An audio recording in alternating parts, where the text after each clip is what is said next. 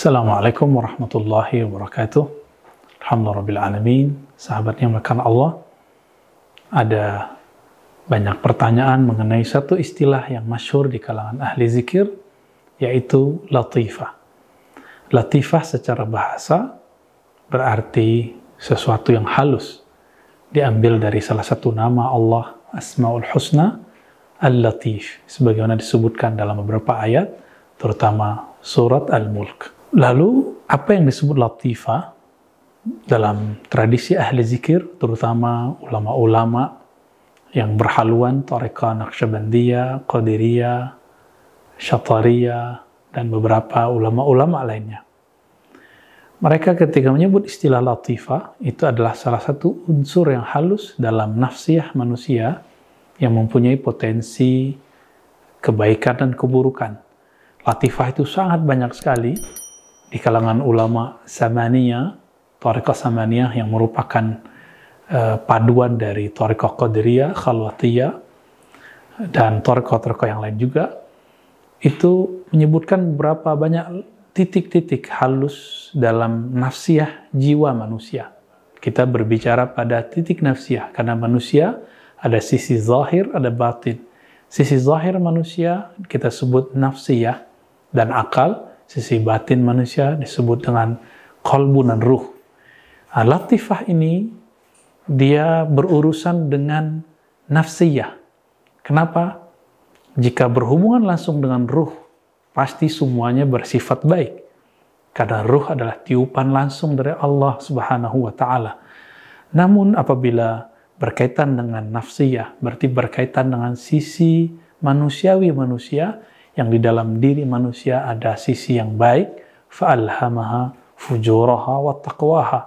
Allah menaruh beberapa potensi di dalam diri nasiah manusia, baik fujur ataupun takwa, untuk yang negatif ataupun positif, untuk hal yang buruk ataupun yang baik.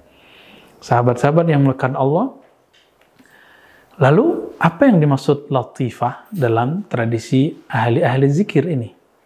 Latifah ini yaitu seseorang yang berzikir tidak hanya dengan lisannya, tapi mengajak sisi dari nafsiyahnya yang mungkin mempunyai karakter buruk, lalu diajak untuk berzikir menyebut nama Allah Subhanahu wa Ta'ala.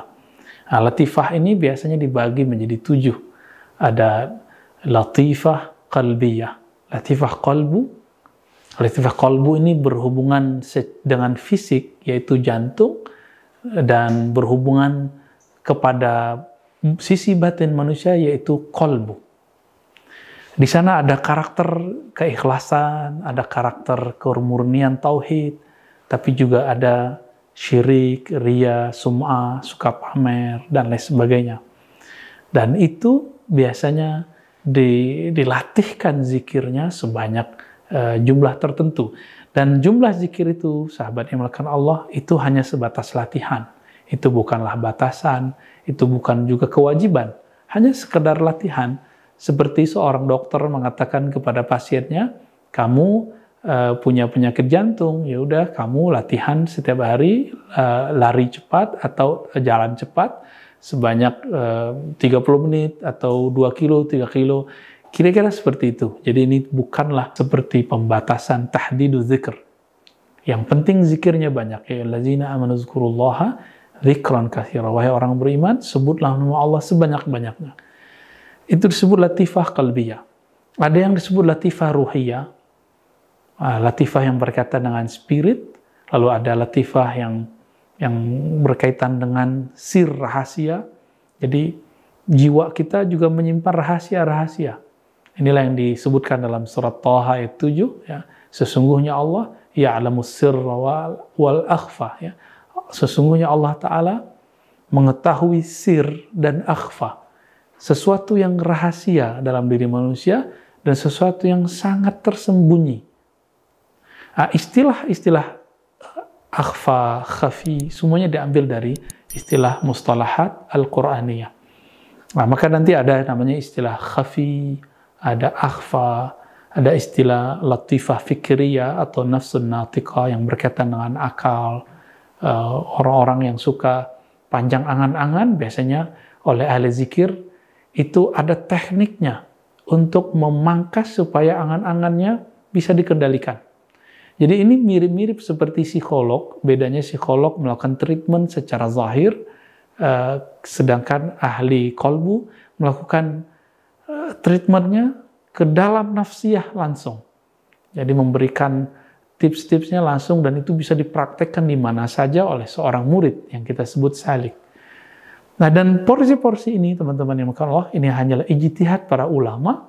Kalau tidak sepakat kita boleh tidak mengikutinya. Tapi jika ingin merasakannya silakan mencobanya.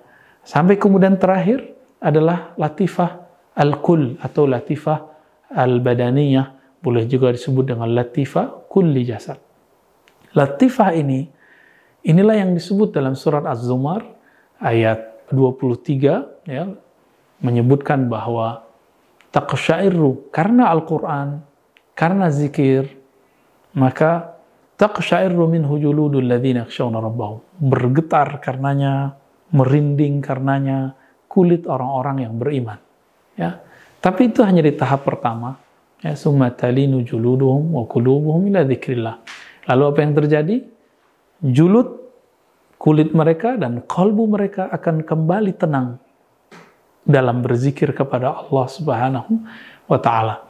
Maka sahabat-sahabat melakukan Allah, latifah adalah salah satu uh, istilah yang digunakan oleh ahli kolbu dalam mengendalikan nafs supaya nafs yang tadinya mempunyai dua karakter baik dan buruk lebih dominasi dan dikuasai oleh karakter kebaikan, karakter positif. Karakter ini menjadi energi dan energi ini akan menjadi bagus dan menjadi hebat ketika dimasukkan nama Allah Subhanahu wa taala. Biasanya ulama kita uh, membacakan pada setiap latifah itu uh, nama Ismul Jalalah atau Al-Ismul A'zam yaitu nama Allah, Allah, Allah ya. Uh, ada juga yang berzikir dengan hu tapi lebih banyak dengan Ismul Jalalah. Berdasarkan itu semua teman-teman yang makan Allah, kita kemudian uh, dapat melihat bahwa zikir latifah atau lataif jamaknya memang sangat berefek kepada pengendalian atau penyucian jiwa. Jadi jika ada istilah uh, qad aflaha man zakkaha, sungguh beruntung yang mentazkiyah jiwa dan proses tazkiyah paling cepat adalah zikrullah. Nah, inilah yang dikatakan dalam satu athar, satu riwayat, bahwa likulli syai'in siqala, riwayat Imam Baihaqi, wa siqalatul qalbi dzikrullah. Setiap sesuatu ada pembersihnya dan pembersih kolbu adalah zikrullah. Nah, inilah yang kemudian menjadi dasar untuk tazkiyah nafsiyah. Jadi tazkiyah nafsiyah teman-teman yang Allah tidak diperoleh cukup dengan ceramah, kajian, baca buku. Dia harus ada proses yang disebut riadah pada tahapan zikir latifah. Biasanya ulama-ulama Naqsyabandiyah, Qadiriyah, Samaniyah memberikan zikir latifah ini di kurikulum kedua atau ketiga setelah si murid mendapatkan talqin zikir. Siapa yang ingin merasakan nafsiyahnya terkendalikan, mendapatkan cahaya asma Allah, silakan ambil dari ahlinya. Semoga Allah memasukkan nurnya dalam diri kita. Wassalamualaikum warahmatullahi wabarakatuh.